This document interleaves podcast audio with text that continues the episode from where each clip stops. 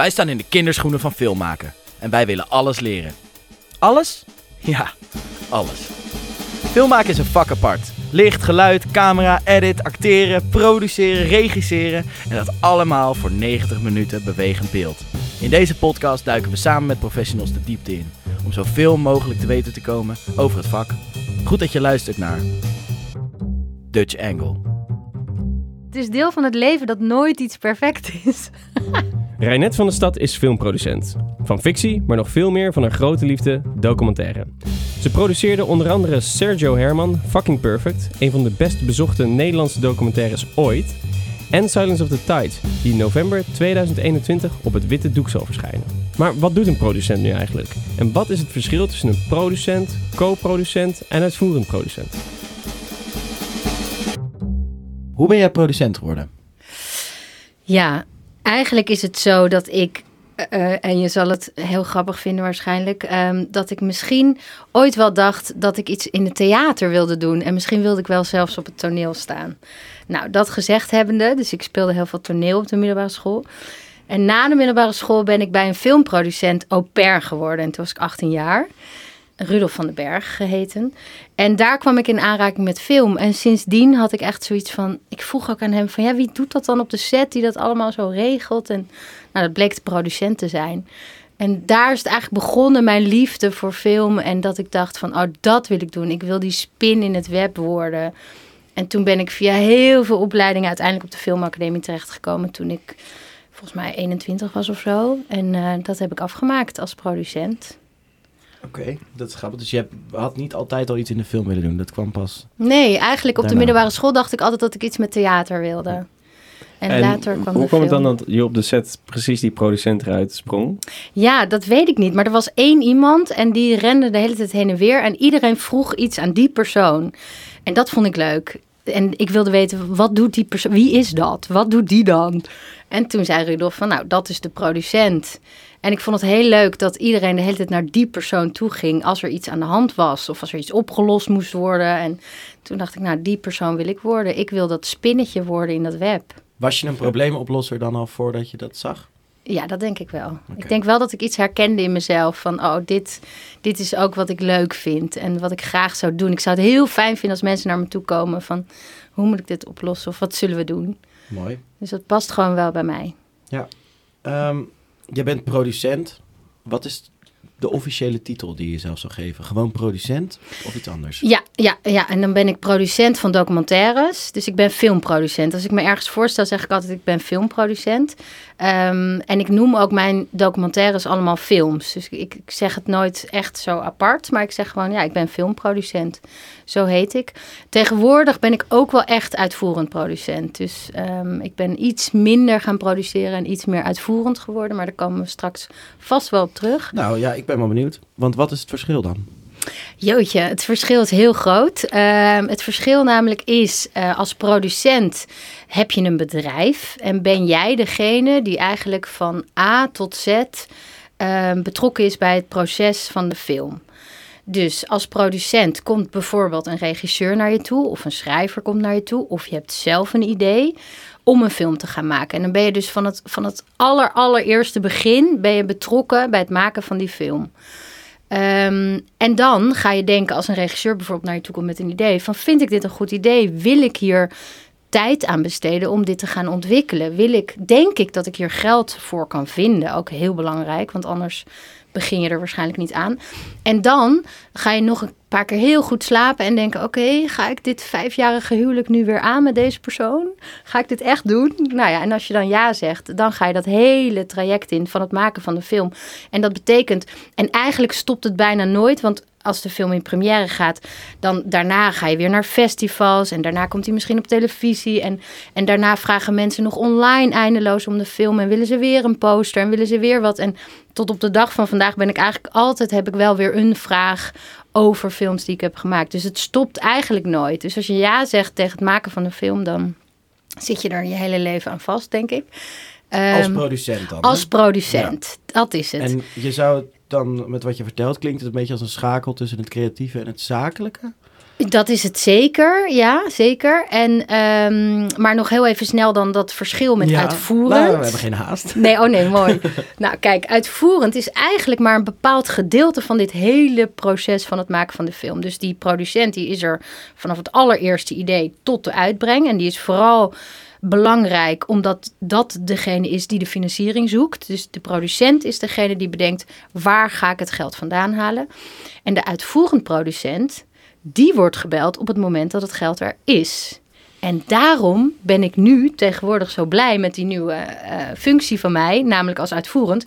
Een producent belt mij op en die zegt: We gaan deze film draaien. Eh, ben je geïnteresseerd? Dit is het script, dit is het geld. Wil je het gaan doen? Nou, hoe relaxed is dat? En ik Ja. verdien nu meer als uitvoerend dan ik ooit heb gedaan als producent. Dus ja, ik denk echt van waarom heb ik dit niet veel eerder gedaan? Dus is dat altijd dat een uitvoerend producent meer verdient dan een producent? In documentaire zou je dat bijna wel kunnen zeggen. Ja, ik. Bij speelfilm durf ik daar niet mijn hand voor in het vuur te steken. Omdat de budgetten bij speelfilm veel hoger dan- zijn dan bij documentaire. Dus in de speelfilm verdient een producent eigenlijk... Ja, die, die kan echt wel redelijk een boterham verdienen. Maar bij documentaire is dat echt heel lastig. Ehm, en dan is de uitvoerend dus degene die gewoon, ja, eigenlijk een beetje ervan, ja, die wordt gewoon betaald naar de uren die hij maakt. En een producent wordt eigenlijk nooit betaald naar de uren die hij erin stopt, want dat, dat kan gewoon niet. Dat valt niet in geld. Weet je wel, dat is niet te betalen. Ja. En eh, als de film dan uitkomt en succesvol is, stel het gebeurt, dan eh, krijgt dan de producent daar dan wel weer iets van? Ja, ja zeker. En dat, dat heet een heel recoupment schema. Dus dat is eigenlijk de terugbetaling van de gelden die binnenkomen. En daar heb je een heel schema voor hoe dat wordt verdeeld tussen alle partijen. Ehm, maar in Nederland is het zo dat wij bijna alle films met eh, subsidiegeld maken. Dus bijvoorbeeld met een filmfonds of een, eh, een fonds wat betrokken is bij de omroepen, het NPO-fonds. En die moeten we allemaal eerst terugbetalen. Hmm, Dus ja. voordat je.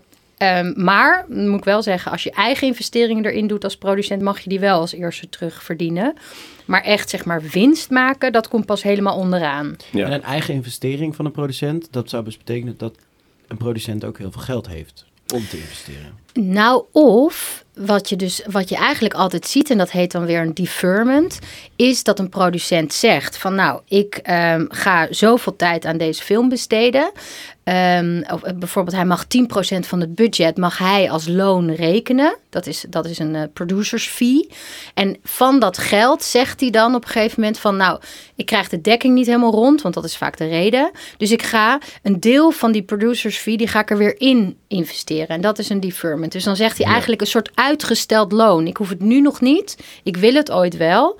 Maar ik geloof zo in deze film dat eh, ik mijn geld pas wil als er inderdaad geld binnenkomt. Dus dan in- investeer je eigenlijk met je uren. Dan investeer je met je uren, precies. Dus Ja. dan hoef je niet per se rijk te zijn om dat te doen. Maar je moet wel tijd hebben. En stel, die film gaat, eh, die, die slaat opeens internationaal aan en die verdient ontzettend veel geld. Krijg je dan dus ook die marges weer terug als je dat gedaan hebt? Absoluut. Dus die, die deferment die krijg je als allereerste terug. Daarna heb je de hele verdeling tussen alle fondsen. En als er dan nog verschrikkelijk veel geld overblijft, ja, dan, dan ben je heel blij als producent. Want dit, dat, daar krijg je veel van. Maar Ja. dat gebeurt niet zo vaak, hè? Dat gebeurt niet zo vaak. Nee, dat Nee, gebeurt niet zo vaak. nee helaas. Helaas. En dan is er ook nog zoiets als een executive producer. Is dat in Nederland ook een begrip? Ja, dat is ook een. eh, Nou, het is eigenlijk een heel verwarrend begrip, executive producer. Want executive betekent uitvoerend. Nou, dat is dus het een grap. Dat is zo. En in Nederland eh, zie je dus dat soms uitvoerend producenten eh, inderdaad een titel krijgen als executive producer op een Nederlandse film of op een Nederlandse documentaire. Dat kom je tegen. Alleen, ik zie wel dat het steeds ongebruikelijker is. Waarom? Omdat executive producer in Amerika betekent iets heel anders. In Amerika is het een investeerder. Is het echt een financieel iemand die geld stopt in de film om de film mogelijk te maken. Soms met nog wat creatieve inbreng of met een, met een mening daarover. Dus dan mag je ook nog een soort van inspraak hebben. Maar ehm, Het in zijn een- ook vaak acteurs, hè, zie je. precies, Het precies. zijn meestal mensen die gewoon Precies. denken, dit wordt vast een leuk film, het zijn vrienden van me. Ja. Hier is geld. Ik doe mee, ja. Ja. En dan is het ook, eh, executive producer is ook, zou ook een titel kunnen zijn als bijvoorbeeld als je het over een acteur hebt, dat hij er helemaal geen geld in heeft gestopt, maar zijn naam daaraan verbonden heeft. Alleen zijn naam. Dat Wow. zou kunnen. Dat kan zo zijn. Dat Dus kan zo heeft hij zijn. niks met die film te Dat, zou, dat kan zo zijn. En waarom? Is een posten. marketing tool Ja, natuurlijk. natuurlijk, ja. ja. Ja. En uiteindelijk kan hij dus dan ook weer gaan recoupen aan het einde. Kan hij geld verdienen. Dus die heeft alleen de naam gegeven en die kan wel geld verdienen. Dat zou kunnen, maar ik vind dat niet een hele leuke. En, en, maar het gebeurt zeker. Ja, absoluut. En dat is dus in Een Hollywood. Brad Pitt als executive producer, dat helpt zoveel voor je Daarom. film. Dat, Ja. dat, ik wil dat. tuurlijk ik wil verdien je hem. daar ook geld aan. Met zo'n naam verdien je altijd geld, denk ik. Silence of the Tides, executive producer Brad Pitt. That would be cool. Jullie noemen wel Brad Pitt meteen. Ik begin helemaal eh, Ja, die zie je vaak. Te gloeien. Die zie je heel vaak. Maar volgens Die mij is, is, dat is volgens mij vaak. Je ziet ook vaak eh, eh, George Clooney. George Clooney, Seth Rogen, zie ik vaak. Nou ja. Nou, wat, wat je In wel Amerika. ziet als ze zo executive zijn, zoals Brad Pitt bijvoorbeeld, dan kan je er wel van uitgaan dat hij echt wel gesprekken voert. En dat hij wel degelijk ook, misschien niet eens met geld, maar wel ook inhoudelijk wel echt vaak betrokken is. Omdat, Ja. maar bij ja. wie is hij dan betrokken? Bij de regisseur of bij de andere producenten? Ja, eigenlijk met de andere producenten. Het is echt een team. Het is natuurlijk, eh, ja, film maken is zo'n ontzettend, ik noem het altijd een mooi. Een Duitse Prachtig. term. Ja, maar dat is het gewoon. Het is natuurlijk een samenwerking tussen alle disciplines. Anders kan het niet. Je kan niet in je eentje een film maken. En die executive producer die zal aan tafel zitten met voornamelijk de schrijvers, de regisseur en de producenten. Want dat is eigenlijk altijd de driehoek waarmee het begint. Schrijver, producent, regisseur. En die executive die zal daar dan snel bij komen zitten om, om het over de inhoud te hebben en om, om te praten over hoe gaan jullie het precies doen en, en advies te geven daarover. Ja. Right. Duidelijk. Oké, eh, maar nog even voor de duidelijkheid. Dat is dus in Nederland geen begrip. Die executive producer. Ja, nou het is dus wel een begrip hier, maar, maar wat mij betreft dus niet, klopt het niet helemaal. En zou je in Nederland dus sneller uitvoerend producent moeten zeggen. En als je een Engelse aftiteling wil, wat die we heel vaak maken, omdat het gewoon makkelijk is om één aftiteling te maken en niet twee, dan hebben we dus in Nederland te maken met een Engelse aftiteling. Dan zou ik zeggen, dan zijn wij eigenlijk line producers als uitvoerend. Oké, en wat betekent dat precies? Line producer is degene, en dan komen we misschien toch nog even terug bij wat precies een uitvoerend producent doet. Die wordt dus ingevlogen op het moment dat de financiering rond is en dat het script helemaal duidelijk is en dat de film gedraaid moet worden. Op dat moment komt de uitvoerend erbij. En die zorgt ervoor dat die film daadwerkelijk gemaakt wordt. En die rapporteert bijvoorbeeld wekelijks aan de producent hoe het gaat. Die belt de producent bij problemen. Maar in principe krijgt hij gewoon, hij of zij, het, het, ehm, eh, het budget. Daar moet je het voor doen. Daar moet je alle contracten voor maken. Daar moet je alle afspraken voor maken. Ehm, en hij krijgt gewoon het script. Ja, wat gaan we filmen, welke dag? En die maakt de hele planning. En nou ja, die zorgt er gewoon voor dat, dat, dat er iets geschoten wordt. Ja. Ja, nou daar gaan we allemaal nog heel diep op in. Eh, we hebben van jou twee films gekregen, gekregen om te kijken. Eh, Sergio Herman Fucking Perfect en heel tof Silence of the Tides die binnenkort uitkomt. Wanneer komt die precies uit? Ja, als het goed is in november dit jaar. Dus november 2021. Kijk, dat is heel tof en daar hebben wij naar mogen kijken Ja, dat is bijzonder. terwijl die nog niet uit is en dat vind ik een hele grote eer. Eh, we beginnen met Sergio. Dat is VIP, hè? Jarenlang alleen maar gewerkt, keihard gewerkt, alleen maar. Hij inspireert mensen door hoe hij is en hij inspireert mensen door wat hij doet. Hè. Maar hij gaat ook gewoon door. Godverdomme jonge kerel, als je die mensen zet hier bent, moet gelijk ingezet worden. Dit is al zo'n kritische klootzak. Ehm, de documentaire volgt een drie sterren Michelin chef. Dus deze chef heeft drie Michelin sterren. En ehm, wij ontmoeten hem al eerder. Ik moet heel even terug naar mijn film daarvoor. Die heet L'amour des moules. En dat gaat over de liefde voor de mosselen. En daarin had Sergio een heel klein rolletje. Want het restaurant wat hij had ehm, in Oudsluis... dat ehm, is als mosselrestaurant begonnen. En daarom had hij een klein rolletje in onze vorige film. Dus zo kenden we hem. En mijn regisseur die komt op een gegeven moment naar mij toe... en die zegt, ja, ik weet gewoon, ik voel... er is iets met Sergio aan de hand, hij gaat iets doen. Eh, ik voel dat we, dat we een film over hem moeten gaan maken... En mijn eerste reactie was nog van, hè, hoezo? En we hebben toch, ik bedoel, ja, hij, heeft, hij heeft drie Michelin-sterren, maar wat valt er verder te vertellen? En zij zei, nee, ik voel het en er is iets. En nou, toen zijn we daar een weekend naartoe gegaan, want zij wilde mij overtuigen dat het zo bijzonder was. Toen kwam ik voor het eerst van mijn leven in een keuken met eh, eh, die rennende chefs, die schreeuwende chefs en, en een brigade van wel twintig man in een hele kleine ruimte met belachelijk mooie bordjes wat eruit kwam. Toen was ik wel echt onder de indruk. En al vrij snel eh, werd de regisseur toegefluisterd door Sergio dat hij inderdaad zijn restaurant wilde gaan sluiten, maar dat niemand het nog wist, alleen zijn vrouw. En, ehm, en dat zij dus zoiets had van ja, wij moeten gewoon nu beginnen. En toen, hebben we eigenlijk, toen zei ik ook oké, dan gaan we het doen. Want dan hebben we een punt. Dan hebben we echt iets te vertellen. Namelijk, hij wil zijn restaurant gaan sluiten. Wij kunnen daarbij zijn. Vanaf het allereerste begin dat nog niemand het weet. Totdat hij misschien een nieuw leven gaat opbouwen. Met niet meer de druk van drie sterren. Maar met een rustig, lekker leventje.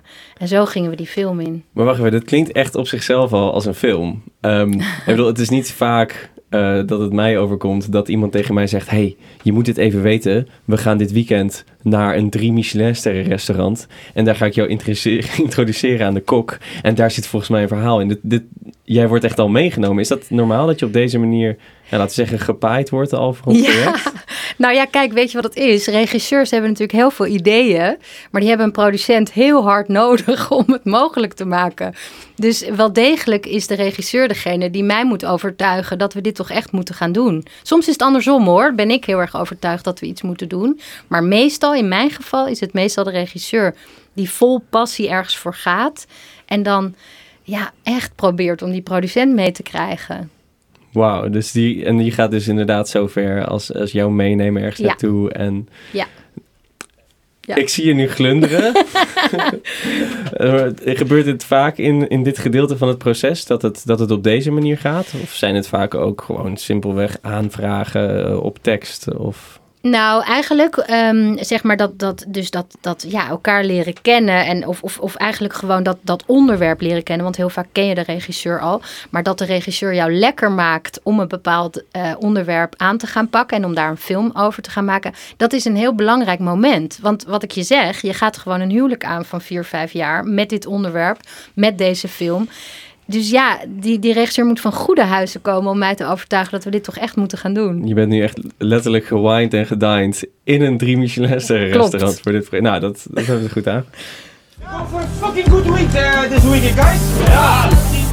continu presteren en meer willen en beter willen en verder en zo. En ik snap het ook allemaal wel, maar je lichaam kan tot een bepaalde hoogte. En ik denk echt dat hij dit niet volhoudt. Wat ik me afvroeg, eh, toen wij, we hebben deze film samen gekeken, Torben en ik. Eh, de film begint al met een aantal termen eh, in de, nou ja, de eerste teksten die je ziet. Bijvoorbeeld supported by, of samenwerking met, of produced by. Ehm, wat betekent dit allemaal? En waarom staat dat aan het begin van de film? Waarom komen er zoveel bedrijven en namen al langs? Zullen we ze gewoon even doorlopen met de namen erbij? Ja? Eh, supported by Teledoc. Nou, dat komt eigenlijk, eh, ehm, dat is een systeem, een eh, samenwerkingsverband tussen de publieke omroep, ehm Kobo Fonds en het Filmfonds. En dat is in het leven geroepen voor om lange films naar de televisie te brengen. Dus normaal zijn lange films in de bioscoop. En dit teledoc, en je hebt ook telefilm, dat zijn de twee. Dus de ene is voor documentaire en de andere is voor speelfilm. Die zijn bedoeld om lange films naar de televisie te krijgen. En daar is een bepaald eh, aanvraagprogramma voor en een bepaald budget voor om dat te doen. En wat ik jou net vertelde over dat deze Sergio besloot: ik ga mijn restaurant sluiten, betekende wel dat we heel snel moesten gaan draaien. Dat betekende dat ik mijn financiering heel snel op orde moest hebben. En dit Teledoc-systeem is een systeem aanvragen. Hupsakee, eh, een paar weken later hoor je of je het hebt. En dan heb je in één keer dat bedrag bij elkaar. En dan kan je gewoon in één keer die film gaan maken. Terwijl eigenlijk, als je diep in mijn hart kijkt. Ik wist dat deze film naar de bioscoop moest gaan. Ik wilde eigenlijk een co-productie met België met deze film en met Duitsland. Ik wilde het eigenlijk anders aanpakken. Maar dat kon niet vanwege de tijdsdruk. Want ik heb ongeveer anderhalf, twee jaar nodig om een financiering op poten te zetten met co-producenten. Vanuit- Anderhalf, twee jaar. Ja, het spijt me. Dat is niet lang. Ik dacht al, jij zei, ja, het ging heel snel, een paar weken. Ik denk, ja, Een paar weken. Is best, als hij zijn restaurant gaat sluiten, is een paar weken Dan is is al dat- best wel wat. dat is best lang dan. Maar dat is dus echt relatief heel snel. Ja, ja. En, en het moment dat wij hoorden dat Sergio zijn restaurant ging sluiten was eh, in januari. En hij zou in december gaan sluiten. Dus wij wisten van iets van, eh, nou ja, 10, 11 maanden later, dan moeten we echt aan het draaien zijn. Maar eigenlijk daarvoor natuurlijk, want we moeten ook de situatie daarvoor laten zien. Dus ik wist gewoon van ja, ik heb maar een paar maanden om te financieren. Dat lukt me niet. Het lukt me gewoon niet om dan naar België te gaan en, en in Nederland, eerst in Nederland alles ophalen. Want je haalt altijd eerst geld op in Nederland. Je moet eerst je eigen fondsen erachter hebben voordat je naar het buitenland kan gaan. Dit, je vertelt het allemaal alsof het een gegeven is, maar eh, allereerst al de vraag, waarom wil je eigenlijk geld uit het buitenland? Ehm, nou, eigenlijk wil je geld uit het buitenland. Je moet alleen maar een koopproductie, naar mijn mening, aangaan op het moment dat je denkt dat dat waardevol is voor je film. Voor inhoudelijk je film. Dus dat het Mhm. een meerwaarde is.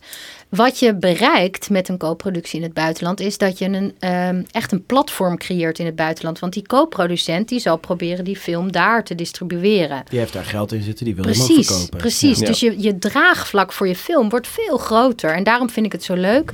En ik vind het ook zo leuk omdat je echt creatieve inbrengt. Dus als een land mee gaat eh, financieren, dat betekent dan dat zij een bepaald gedeelte van het budget daar ook uit gaan geven. Dat betekent dat een bepaald gedeelte van jouw crew, van je artistieke eh, componenten echt uit dat land komt. Zo hebben we bijvoorbeeld, ehm, eh, even kijken, bij Sergio hadden we, eh, hadden, we daar, hadden we daar die Belgische componist zitten. Oh nee, want dan gingen we natuurlijk helemaal niet meer België. Nee, dat was L'amour de Moe met de Mosselfilm. Hadden we een Belgische componist, want dat is wel een co-productie met België. Nou ja, de meerwaarde inhoudelijk gezien, wat die heeft gebracht, dat hadden we nooit in Nederland kunnen vinden. Dat was zo'n bijzonder iemand. Hm. Ehm, en daarom En wil was je het dat. dan dus, in- als je alleen maar Nederlands geld had gehad, dan was het moeilijk geweest om die persoon erbij te betrekken? Ja, dat kan wel hoor. Maar dan, dan ehm, al dat geld in Nederland, dat wil je eigenlijk ook dan in Nederland uitgeven. Want er is dan ook weer zoiets als de incentive in, in Nederland. Ja, het wordt, wordt, het wordt wel ingewikkeld. Nee, maar dit is waarom we het willen Ja, weten. oké, dit is wat oké. we willen Nou, je hebt dus de filmincentive eh, van het Filmfonds. En dat betekent eigenlijk al het geld wat je in Nederland uitkrijgt. Dat kan je voor 30 of 35 procent. Kan je daar bovenop nog extra krijgen van het Filmfonds. Dus als ik een crewlid uit Nederland heb, kan ik daar geld weer van het Filmfonds voor krijgen. Dus Dat is een patriarch- stimulans. Ja, patriarch-achtige- Nou, Precies. Werken Is met je eigen Geweldig. mensen. Ja, Ja. daar zijn wij heel blij mee. Want het, want het heeft, heeft het leven van ons eh, echt een stuk makkelijker gemaakt. Dit bestaat nog niet zo heel lang. Dit bestaat een jaar of zes, denk ik nu of zo, de incentive. Maar was het dan daarvoor dat ook veel meer mensen geïmporteerd werden om werk te doen? in Nederland? Nee, dat niet. Dat Nee, nee, want het is altijd duur. Het is Ja. toch, want ze moeten reizen, ze moeten, de communicatie is lastiger. Dus nee, het gebeurt helemaal niet. En dat Eh, lijkt me ook gewoon op set. Zeker als je Ja. met een hele grote samenwerking, dan wil je ook een beetje dezelfde taal spreken. Ja. Misschien zelfs wel letterlijk dezelfde taal. Daarom, het is vaak ook lastig hoor, dat je Ja. crew uit het buitenland hebt. En, eh, en je hebt ook een andere cultuur en je begrijpt elkaar gewoon niet altijd. Nee. En zeker met België, we spreken dezelfde taal, maar mamma mia, wat kunnen we een, eh, een, een probleem hebben met hun, omdat we het gewoon echt niet snappen. En zij vinden ons vette lomperikken, echt. Van, Ja? Ja, en zij draaien overal omheen en zij, ze zeggen nooit echt waar het op staat, omdat ze gewoon mega beleefd zijn. Is dat schijnheilig of is dat gewoon aardig? Ja, ik vind het heel prettig werken, omdat ze gewoon ehm, eigenlijk heel veel ruimte geven aan de ander. En ehm, ja, echt proberen uit te vinden van waar gaat het jou nou precies om? En, maar dat duurt lang, jongen, voordat je er bent. Ja, wij vragen het wel lekker direct hier. hè? ja, ja, dat heeft ook een voordeel, vind ik, soms. Nou, zeker. In de Ja. film is het heel handig. Dan gaat het allemaal een stuk sneller lijken. Ja, ja, zeker. Torben en ik hebben eh, de film over Sergio Herman gekeken van jou. En wat ons vooral opviel in het begin, is dat er een heleboel namen en bedrijven langskomen eh, in tekst. Bijvoorbeeld supported bij Teledoc, samenwerking met Kobo, het Filmfonds, NPO. Dan produced bij Renet, TrueWorks Presents. Ehm, wat zijn dit voor namen en waarom staan die allemaal aan het begin van de film? Ja, het is grappig dat je bedrijven zegt. Want het, is, eh, het gaat eh, totaal om geen één bedrijf, behalve dan mijn eigen bedrijf TrueWorks. Wat overigens niet normaal in het Engels uit te spreken is. Ik, ik breek elke keer mijn bek eraf voor TrueWorks. Ik vind het echt zo'n stomme naam. Maar goed, het is ooit bedacht omdat Steven Spielberg had DreamWorks. En wij Oh. maken documentaires, dus wij maken TrueWorks. Maar goed, de rest van de, van de namen op deze eh, voortitels, dat zijn alle fondsen. Dus we Ah, hebben het hier over het ja. COBO-fonds. Dat is het co-productie, co-productiefonds Binnenlandse Omroepen. Eh, we hebben het over het Filmfonds. Wat stond er nog meer? De NPO, die werd vaak genoemd in de film. Ja, Ook op de eind. Dat eh, is de omroep. Dus eigenlijk dit, dit teledoc-systeem wat ik net uitlegde, dat was dus de omroep, het Kobo-fonds en het Filmfonds. Nou, die worden daar gewoon genoemd. En het systeem waaronder zij in dit geval vallen is teledoc. Dit is eigenlijk een van de aller, aller simpelste optitelingen die er zijn. Eh, want dit is gewoon een hele bekende samenwerking eh, binnen de film. En eh, ja, dit is het. En dan zeg je inderdaad dat de producent het, het presenteert dan altijd de film. De producent in dit geval is dus True Works. Ja, en dat is mijn stichting die ik heb opgericht in 2003. Ehm, ik heb een stichting opgericht omdat je dan ook allerlei andere fondsen kan aanvragen. Bijvoorbeeld het AFK, Amsterdams Fonds voor de Kunsten. Voor de kunst, moet ik zeggen. Ehm, en een stichting is gewoon handig, want dat heeft geen oog, geen winstoogmerk. En ik vond dat wel een prettige manier om te produceren. Eh, heden ten dagen ehm, vinden de fondsen het niet meer goed als je een stichting bent. En willen ze ook dat je een BV bent. Omdat het daardoor gewoon wat professioneler wordt aangepakt. Dus nu zijn ze niet meer zo blij met, eh, met mij. Maar volgens mij hebben ze niet door dat ik een stichting ben. Dus eh, ik, ik, ik dien nog steeds in als stichting. En dus stel je had winst gemaakt met Sergio, had jij dat dan wel kunnen krijgen? Ja, zeker. Je mag dus als stichting dat wel innen. Dus je mag dat wel binnenhalen. Maar het idee van een stichting is, is dat je dat weer investeert in iets eh, ja, wat goed is voor de stichting. Dus Ja. het doel van de stichting. Het doel Ja. van mijn stichting is het produceren van films. Dus ik mag wel degelijk dan dat geld weer investeren. Of in mezelf, omdat ik aan het nadenken ben over een nieuwe film bijvoorbeeld. Mhm. Dus op die manier kan je heus wel jezelf weer wat uitkeren. Ehm, en anders investeer je het in een nieuw, een nieuw, nieuw project. Ja, maar tegenwoordig is het dus misschien handiger om een BV. Ik zou hebben. zeker jonge filmmakers aanraden om een BV op te richten. Maar een BV is best lastig, omdat je gewoon daar, daar zijn veel kosten aan verbonden Ja. Per jaar. En dat heeft te maken met dat je een administratie moet voeren en dat je dat met een accountant moet doen. En dat kost je gewoon al snel 2000 euro per jaar. En een stichting, eh, ja, die richt je één keer op voor, voor 300, 400 euro en je bent klaar. Ja. Dus eh, ja, ik vind het nogal wat. Ik vind het ook best wel heftig dat ze dat eigenlijk vragen van ons. En zeker van jonge eh, producenten om een BV op te richten. Ja. Dus ik ben het daar ook eigenlijk niet mee eens. Oké. Nou, you heard it here first. Ehm kijken, dus eh, bij Sergio ben je in het begin gewined and dined door de regisseur. Die heeft jou overtuigd om hier dus eh, jaren van je leven in te investeren. Eh, dan ga je op zoek naar, naar geld. Dat is dus gegaan via Teledoc. En dan begint denk ik de preproductie. Nou, wat moet ik me daarbij voorstellen? Wie is dan allemaal aan het werk en wat doe jij op Ja. dat moment? Ja, eigenlijk kan je eh, iedere aanvraag eh, voor een film, dus het geld wat je gaat ophalen, ook opdelen. En ehm, dus eerst vraag je ontwikkelingsgeld aan en daarna vraag je pas realisering aan. Dus ook in dit geval hebben we eerst ontwikkelingsbudget aangevraagd. En in het geval van Teledoc is dat 20.000 euro. Dat vraag je aan. En van die 20.000 euro ga je eigenlijk het filmscript schrijven. Ga je echt researchen en ga je kijken wat willen we nu precies vertellen. En die 20.000 euro die hebben we gebruikt om eindeloos naar Zeeland te rijden en te praten met Sergio en alle mensen om hem heen. Om proefopnames te maken, om foto's te maken en om dan het script te schrijven. Ehm, en het script, als je dat dan geschreven hebt en je weet precies wat je wil gaan doen, met dat script ga je dan weer realisering aanvragen. En in dit geval is dat drie ton. En dan vraag je dat dus aan bij deze Teledoc-commissie. Dat is heel handig, want het is één loket. En daarom is die Teledoc dus zo snel. Want normaal ga je naar alle fondsen apart. En die hebben allemaal andere deadlines en die hebben allemaal andere vergaderdata. Dus dat is een ontzettend gepuzzel. Terwijl bij Teledoc is het één loket, hupsakee. En daarom had ik besloten, omdat we zo'n haast hadden... we gaan hier een Teledoc van maken. Ja, en je zegt we gaan naar Zeeland. Wie zijn dat? Eh, De regisseur en ik in dit geval. Met z'n tweetjes. Ja, ja, ja. Wij, wij, eh, ik, wij hebben een, eh, ja, een, al een hele lange samenwerking en we, gaan, we doen eigenlijk altijd samen de research. Ehm, ik vind dat heel leuk om te doen en ik vind het ook nuttig, omdat ik dan precies weet ook, ja, waarom we dingen aan het doen zijn Mhm. en waarom daar zoveel geld voor moet of niet. Of weet je wel. Dus ik kan heel erg meedenken in het hele proces. Ehm, en ik vind het nou eenmaal ontzettend leuk om met mensen om te gaan. En dat vind ik het allerleukste van documentaires maken.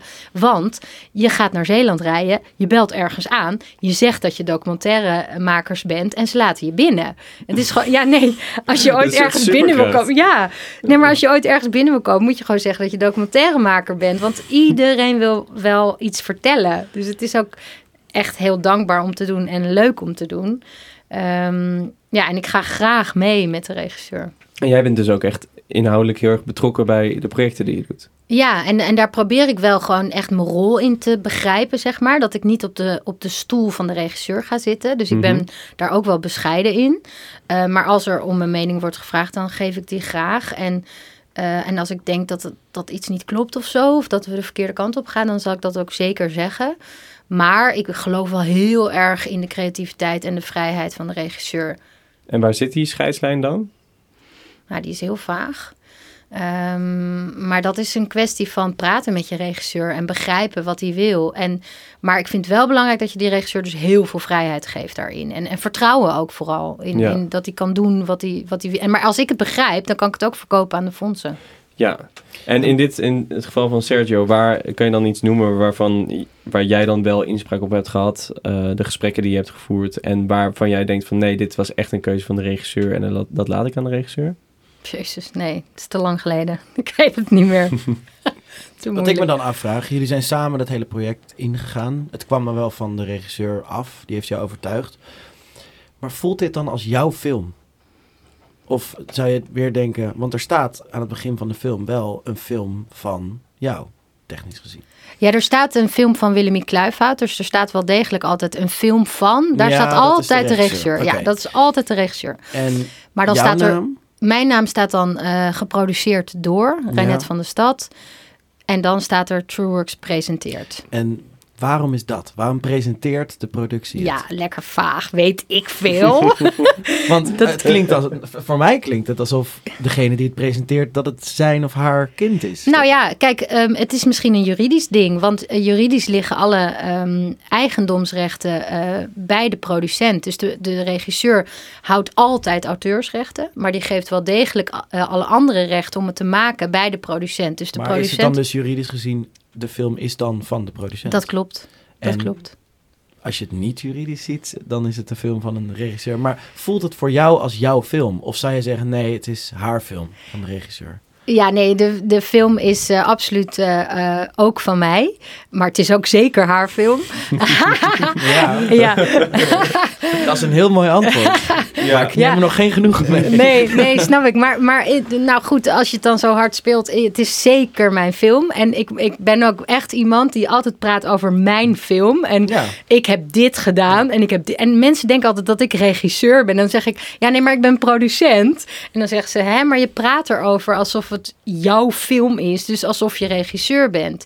En, maar zo voel ik het. Maar dat lijkt me ook heel ingewikkeld. Want als je, je bent zo in, geïnvesteerd in, in dit proces. Ja. Je bent jaren bezig. En geld en, en tijd. En Ja. je vrienden zie je niet. Ik kan- Ik kan me allemaal voorstellen. Natuurlijk is het jouw film. Dan. Dat vind ik ook. Maar voelt het dan niet een beetje moeilijk dat de regisseur daarmee vandoor gaat? Ja, maar dat is, dat is heel fijn. eh, eh, dat heeft heel erg ook weer met karakter te maken. Ik, ben, ik geef heel graag iemand anders het podium. En ik geef heel graag iemand anders credits. En ik weet hoe het zit. En ik voel het in mijn hart als mijn film.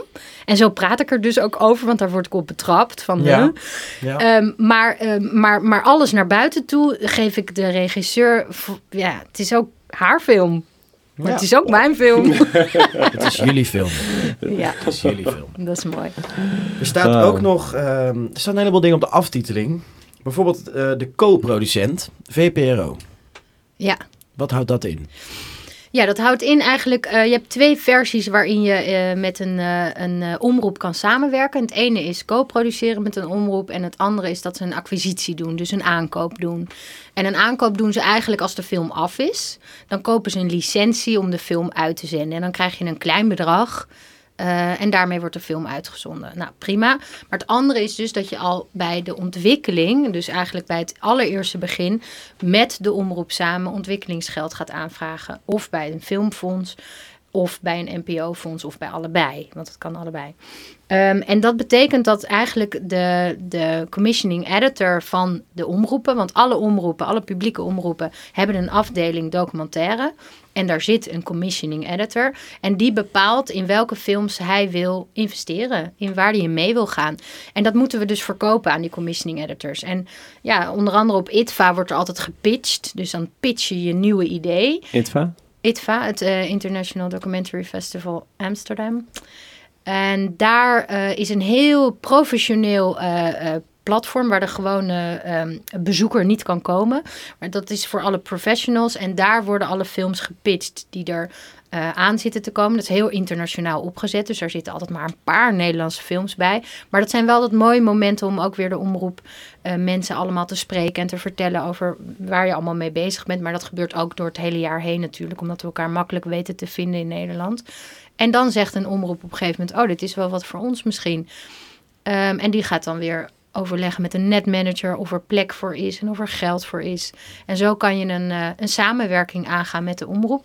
Maar dat komt dus eigenlijk pas nadat de film af is. Komen Nee. deze mensen erbij? Nee, dus, dus als je een co-productie aangaat, dan is het als de film begint. Dus helemaal het begin. En Loopt het dan samen met het teledoc-proces? Ja, ja. Dus die VPRO is vanaf het begin erbij geweest. Helemaal, helemaal, vanaf het begin. Ja, en zij hebben ook iets te zeggen. Zij mogen ook, eh, zij komen ook bijvoorbeeld in de edit kijken en zij, zij lezen het script en hebben daar opmerkingen over. En ja, uiteindelijk is het altijd wel weer aan de regisseur. Maar soms sta je echt voor grote problemen met een omroep. Bijvoorbeeld als je een film uitzendt, dan zeggen ze altijd: ja, na 10 minuten zept iedereen weg als het niks is. Dus na 10 minuten moet je echt met iets komen.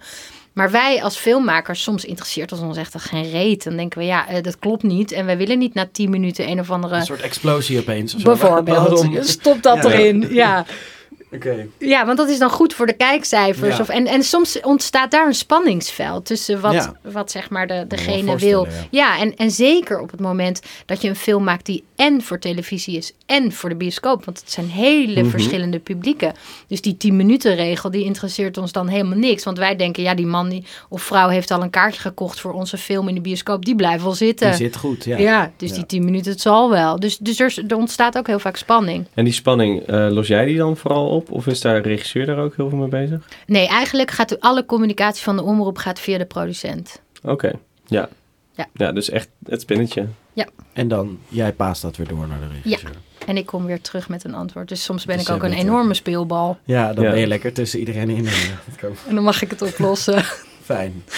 Nog zo eentje die erbij staat. Een sales agent. Fortissimo. Fortissimo? ja, Fortissimo Films. Eh, een sales agent is degene die de film verkoopt in het buitenland. Dat is eigenlijk het Ah. simpelste. Ehm, en wat, wat doet deze persoon? Is die probeert de film in het buitenland aan distributeurs te verkopen lokaal. Dus bijvoorbeeld, eh, weet ik veel, in Duitsland. En een distributeur die... brengt het echt naar de cinema. Dus de distributeur is degene in ieder land. Je hebt heel veel distributeurs in ieder land. De distributeur gaat fysiek naar het theater toe, heeft fysiek contact met de theaters en zegt: gaan wij deze film programmeren of niet? Het is zo'n goede film. Wil je hem in je theater hebben? Want het is nog altijd zo voor ons als, als filmmakers. Van wie zijn we uiteindelijk ontzettend afhankelijk, is van de filmtheaters. En het grote Ja. probleem in Nederland Ja. is dat we te weinig doeken hebben. Dat we eigenlijk te veel films maken voor te weinig plekken. Dus daar is een enorme strijd.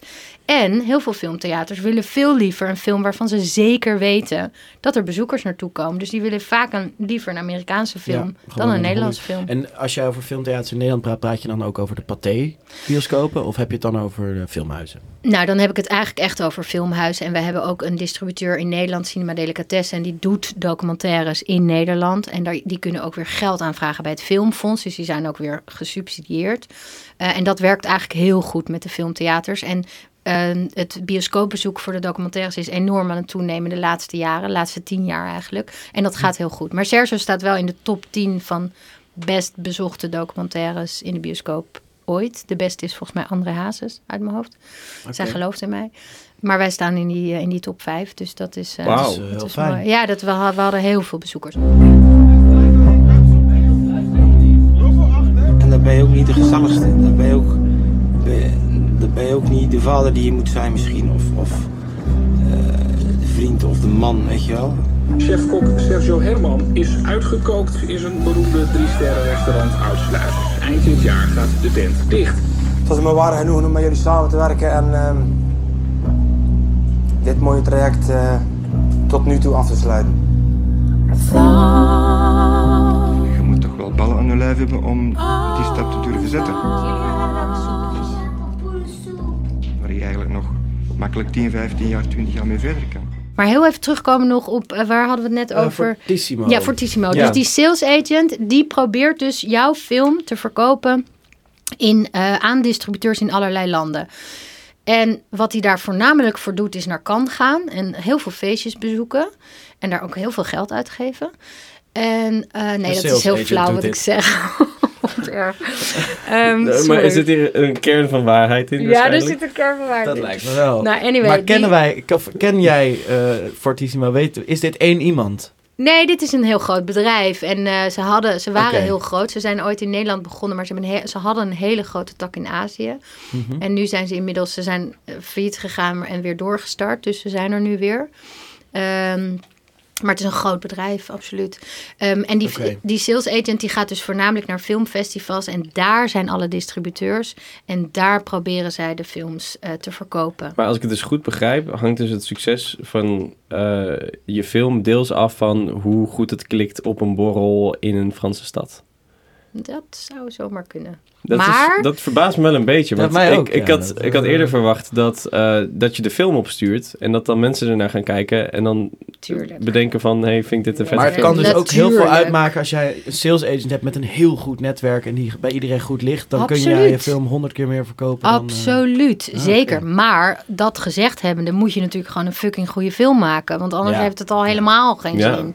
Dus we gaan er even vanuit dat we allemaal fucking goede films maken. En dan, Oké, nee, dan dat Daarna? Een ja, want zo'n een sales agent gaat natuurlijk ook niet aan boord als het een rukfilm is. nee, nee, daar, nee, gaat hij, daar gaat hij niet eens een stap zetten voor je. Het is best lastig hoor, om als Nederlandse producent een sales agent te krijgen. Ja? Dus dat is ook niet gezegd. Is het een internationaal bedrijf dan? Ja, het is Geen internationaal. Nederland. en Waar is komt het... vandaan? Oh, ja. Waar komt dat vandaan? Ze zitten in Amsterdam. Ze zitten wel in Amsterdam. Oké. En waarom is het specifiek voor Nederlanders moeilijk om een distributeur te krijgen? Nou, een van de grootste redenen daarvan is, is dat onze film niet zo goed verkopen in het buitenland, omdat wij de Nederlandse taal hebben. En dat is eigenlijk de grootste eh, barrière voor, voor heel veel eh, buitenlandse distributeurs om onze films te kopen. Want al onze films moeten ondertiteld worden of in Duitsland nagesynchroniseerd. Ja, Maar wij maken geen Engelstalige films. oké, maar geldt dat dan ook voor alle Franse en Duitse en eh, Deense films? Want in Europa zijn toch de meeste films gewoon in hun eigen taal. Zeker, maar bijvoorbeeld Frankrijk is een zoveel groter land en die hebben zoveel meer mogelijkheden Ja. om hun films en sowieso, ja, die doen het echt zoveel beter. Kijk, Nederlandse taal is echt heel, heel klein. Deense films hebben inmiddels een hele goede naam, dus die hebben het ook weer ietsje Dus makkelijker. het is ook de naam. Zeker, ja, ja. Ja, ik geloof niet dat we echt bekend staan als een mega filmland. Nee, dus wij moeten eigenlijk gewoon de komende jaren extra hard ons best doen om Nederland op de kaart te zetten. Ja, dat denk ik wel. en dan wordt het ook weer makkelijker voor andere filmmakers om ook weer Ja. hun films te ja, verkopen. ja Nou, ik denk is- dat het mooi zou zijn als we wat, wat meer internationale successen zouden hebben. Ja, en dat zou dus de rest van de films ook weer helpen. Absoluut. Oké, dat is goed om te weten. Dan gaan we daaraan werken. Op de aftiteling stond nog iemand. eh, Ja, je bedoelt eh, de eh, productie VPRO, Brigitte Ja. Dopheide. ja, Wat, wat is daar nog het verschil tussen jullie productie en haar productie? Ja, eigenlijk het enige wat zij doet ehm, is, eh, zij werkt voor de VPRO. Zij is in dienst van de VPRO en zij controleert onze begrotingen. Eh, zij kent alle regels van alle fondsen heel goed. En eh, vooral van het NPO-fonds en van het Kobo-fonds. Ehm, want die fondsen zijn ehm, eh, die hangen samen met de omroep. Die kan je alleen maar aanvragen als je een omroep hebt. En zij controleert mijn begroting of ik het allemaal goed heb gedaan. Oké. Oké, ja. Maar zij gaat niet mee naar Zeeland? Nee. Oké.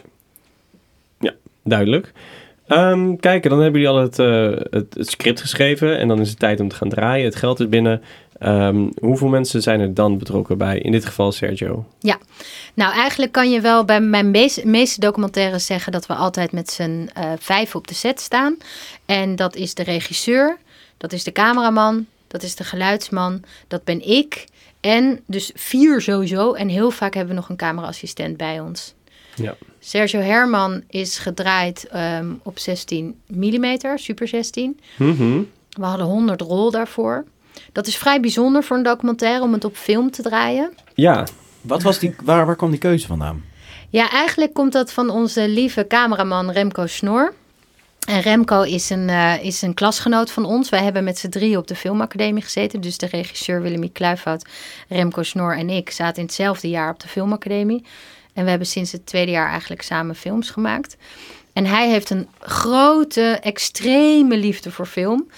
En hij, Voor het mediumfilm of voor een rolfilm? Nee, voor een Voor rolfilm. een rolfilm, 16 mm. Oké. 16, 35, nog liever, 70, whatever. 180 meer. Ja, Ja, kan wij ja, nou, 8 vindt hij trouwens ook leuk. Ehm, en, en hij heeft ook een bepaald oog daarvoor en een bepaalde manier van draaien, eh, waarbij hij het gevoel heeft dat hij dat het allerbeste kan op film. En dat heeft hij ook bewezen, want het ziet er gewoon altijd knallend mooi uit. Ehm, maar hij, hij zei nog iets anders over deze film. En dat was, we moesten zeg maar in een hele kleine keuken. Want het is heel gek, want het is een drie sterren chef restaurant. Maar het is een hele kleine keuken. Heel smal is hij. En eh, hij moest daar ook heen en weer rennen. Het is een soort ballet wat daar elke avond wordt gedaan met 25 man. En ze rennen ze heen en weer. En hij moest daartussen staan. Ja. Onze geluidsman even daar gelaten. Want die had ook echt een zakkenjob om daar nog ergens te Oh, staan. ja. Zonder dat hij in de weg stond. Ehm, maar Remco moest echt bewegen. En die had zoiets van, als ik dit op film doe...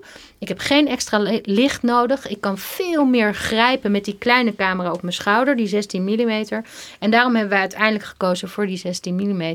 Oh, dus heeft, want het leek mij eh, uit praktische overwegingen heel lastig en alleen maar eh, ja, mooier.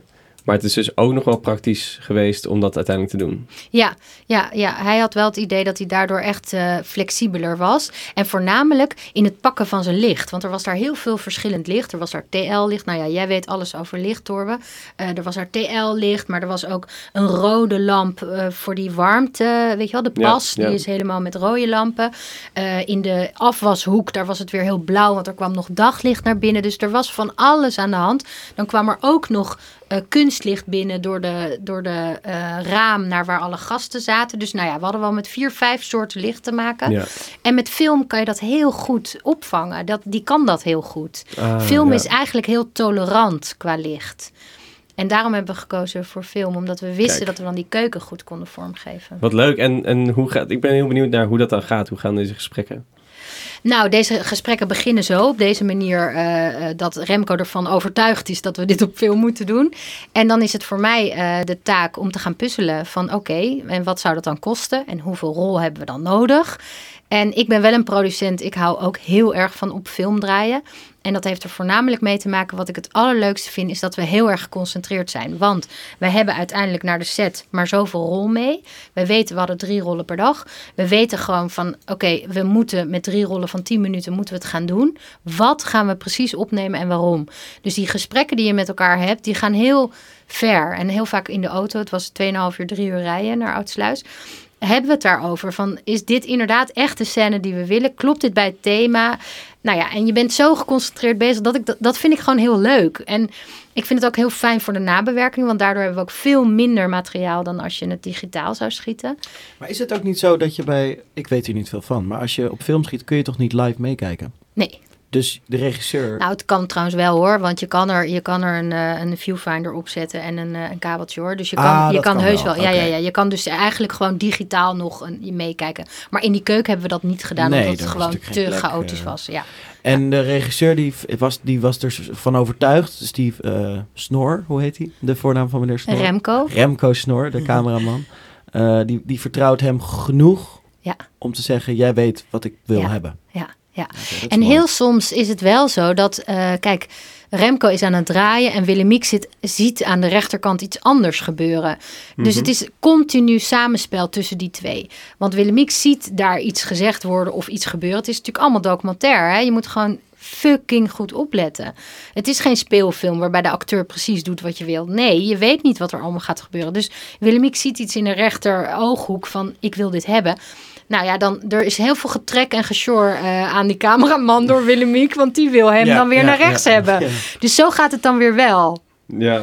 En jij zegt, je moet heel goed opletten, want het is geen acteur.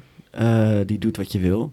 Mhm. Is dat bij documentaires, in ieder geval documentaires die jij maakt, bijvoorbeeld bij deze, is dat echt zo? Hebben jullie nooit gezegd tegen iemand in die docu, kun je misschien een beetje meer dit doen? Oh je joh, man, wij manipuleren de hele dag. Nou, dat dacht ik ook. Ja, oké, oké, oké. Dat nee toch joh. wel. Ja, mega. Dus je bent wel ook een beetje met ze aan het spelen. Zeker. Maar je Heb moet je daar een leuk voorbeeld van? toevallig? dat vind ik wel leuk. Nou ja, nee, maar het gaat de hele dag zo door. En, en wij vragen zelfs of we dingen nog een keer willen doen. Er zijn mensen die Heel puritein zijn en die dit absoluut echt not done vinden. Van Nee. loop nog een keer naar binnen. Maar wij zien daar helemaal geen problemen in. Of ik in ieder geval niet. Waarom? Omdat je nooit uit het oog mag verliezen waar het werkelijk om gaat. Dus echt de kern moet altijd overeind blijven en Ja. moet eerlijk blijven. Maar alles daaromheen, ja, kan mij het schelen. Het blijft film. Ja joh, ren jij even nog lekker nog een keertje die dijk over. Want eh, ja, kan mij het schelen. Weet je, zo'n Ja. hardloopshot bijvoorbeeld van, van Sergio. Ja, dat doen we echt wel tien keer over. Totdat hij zegt, nou nu heb ik echt geen zin meer. Ik ga naar huis. En hoe ver gaan jullie in? Eh, gaan jullie daarin? Er is bijvoorbeeld een scène dat eh, Sergio een beetje uitvalt tegen een van zijn, eh, Nou, een van zijn medewerkers. Ja, best wel Sergio flink. kan best wel boos worden. Hij is eng. Ik vind het een enge man. Ah, het is een schatje. Het maar is een heel lief man, maar in de keuken vind Zou ik je daarvan ook Snap zeggen, hey, doe dat nog eens een keer? Nee, nooit. Nee. nee, maar dat zou ik ook echt niet. Ik denk dat Willemiek dat ook niet zou doen. En, en ik zou dat al helemaal niet durven, want ik ben sowieso een bange poepert. Maar eh, hij valt uit tegen een van zijn studenten of een van zijn eh, leerlingen. Maar wat, kijk, waar het om gaat bij documentaire is, in de research heb je dit al tien keer zien gebeuren. Je weet dat dit gaat gebeuren. Je weet alleen niet wanneer. Dus je hebt het al geschreven in je script. Hij valt uit tegen een van zijn leerlingen. Hij voetert hem helemaal uit. Hij maakt hem kapot. Maar je weet alleen niet wanneer het gaat gebeuren. En, maar het staat er wel. Je hebt die scène al geschreven voordat het gebeurd is. Ja. Omdat je het hebt gezien in je research. Dus wat doe je tijdens al die draaidagen? Is al die scènes voor je zien. Ja. Continu als cameraman, als regisseur. Dit moeten we nog hebben. Dit moeten we nog hebben. Die scène. En hij valt uit tegen. Nou, in godsnaam draai die camera daar naartoe. Zorg dat het geluid er is. En draaien. Ja, en jullie hebben dus even snel gerekend 100, 100 rollen, drie per dag. Dus jullie hebben 33 draaidagen. Klopt. Ehm, en als je dan dus een scène niet hebt, eh, wat dan? Ja, dat is natuurlijk gaandeweg. eh moet, je, moet je steeds meer prioriteiten eh, stellen. Dus eigenlijk, het is niet zo dat je pas aan het einde van die 33 draaidagen bedenkt... eh, kut, hebben we het nu? Nee, het is continu bijsturen. Dus het script is er en continu stuur je bij. Hoe ver zijn we? Hoe, wat hebben we nog nodig? Wat gaan we laten vallen? Waar concentreren we zich op? Waardoor het wordt een soort trechter gedurende die 33 dagen... waarin we in de laatste dagen echt moeten krijgen wat we, wat we nog nodig hebben om het Ja. verhaal rond te maken. Zo, zo werken wij. Dus Ja. we kunnen van tevoren een hele planning maken van die 33 dagen, maar die verandert. Die verandert absoluut gedurende het hele proces. Ja, duidelijk. Cool. Daarom is het ook zo leuk. Daarom is het ook zo leuk om documentaires te maken en geen speelfilms. Want bij ons is er zoveel nog spannend en zoveel verrassend en zoveel onzeker. Ja, maar het- bijvoorbeeld ook de geluidsman, als die net niet lekker opneemt, je kan niet even zeggen tegen, een, zoals bij fictie bij een acteur, kom nog even naar de studio, we nemen het nog een keer op. Nou, ik denk ook dat de, dat de rol van de geluidsman bij een documentaire echt, echt heel erg lastig is. Een van de eerste dingen is elke ochtend als wij gaan draaien. Wat moet die geluidsman doen? Die moet een zender opplakken. Nou, ik zal je vertellen, Sergio komt die keuken in rennen. Die interesseert die zender helemaal geen reet. Die heeft er helemaal geen zin in, want hij is boos, want hij wil iets zeggen en hij wil iets anders doen en hij heeft haast. Hij wil die zender helemaal niet op hebben. En die geluidsman die zal echt voor hem moeten gaan staan en zeggen: nee, dit moet. En, en nou ja, soms. Ja, anders is het gewoon niet bruikbaar wat je gaat schieten. Absoluut. Want geluid, ja, je kan, Absoluut. het, je kan niet vragen of je het nog een keer wil doen. Nee, ja. nee, dus dat klopt. En dus ik vind ook de, het karakter van de geluidsman. Ik, ik, ik vind bij documentaire vraag je best wel veel van een geluidsman eh, op een documentaire set. Hij moet dus heel goed met mensen kunnen omgaan. Hij moet lef hebben, want hij moet ervoor gaan staan. Hij moet ook het lef hebben om te onderbreken op het moment dat het geluid echt niet klopt. Dan moet hij naar die man toelopen of die vrouw toelopen en het veranderen. Want als hij dat niet doet, ja, we kunnen het inderdaad niet overdoen. Dus dan moet hij, dan moet hij inbreken. Maar dat is best lastig hoor. Dus eh, ik vind, ik, heb, Heb veel jij daar nog een rol bij? Spring jij er nog bij als het nodig is? Nou, nee, nee. Als het gevraagd wordt wel, maar nee, nee, in principe niet. Nee. Ook niet eh, tussendoor dat je na, na dag 21 een keer naar Sergio gaat en zegt... hey, zou je alsjeblieft wat meer mee willen werken? Dat zou kunnen. Dat zou, dat zou een taak van mij zijn. En, ehm, en, en, maar dat zou dan echt op verzoek van de geluidsman zijn. Dat hij aan mij vraagt van wil jij alsjeblieft met hem gaan praten? Want het lukt mij niet om er doorheen te komen. Ja. En dan zou ik zeggen, jezus, wat een, wat een kutjob. Maar oké, ik doe het. Hoort er ook allemaal bij. Ja. Ja. Iets nieuws. Groot project, maar eh, ja, een fantastisch project. De boertjes uit Zeeuws-Vlaanderen gaan naar de stad. er gebeurt veel, we hebben nog vijf weken te gaan. Wil zeggen dat we nu al de eerste week elke avond volzet zijn. Ik zit even in de spagaat, jongen. Ik zit even in de spagaat. En eh, hij is in Antwerpen blijven slapen. Ja, dat is afzien hoor dan.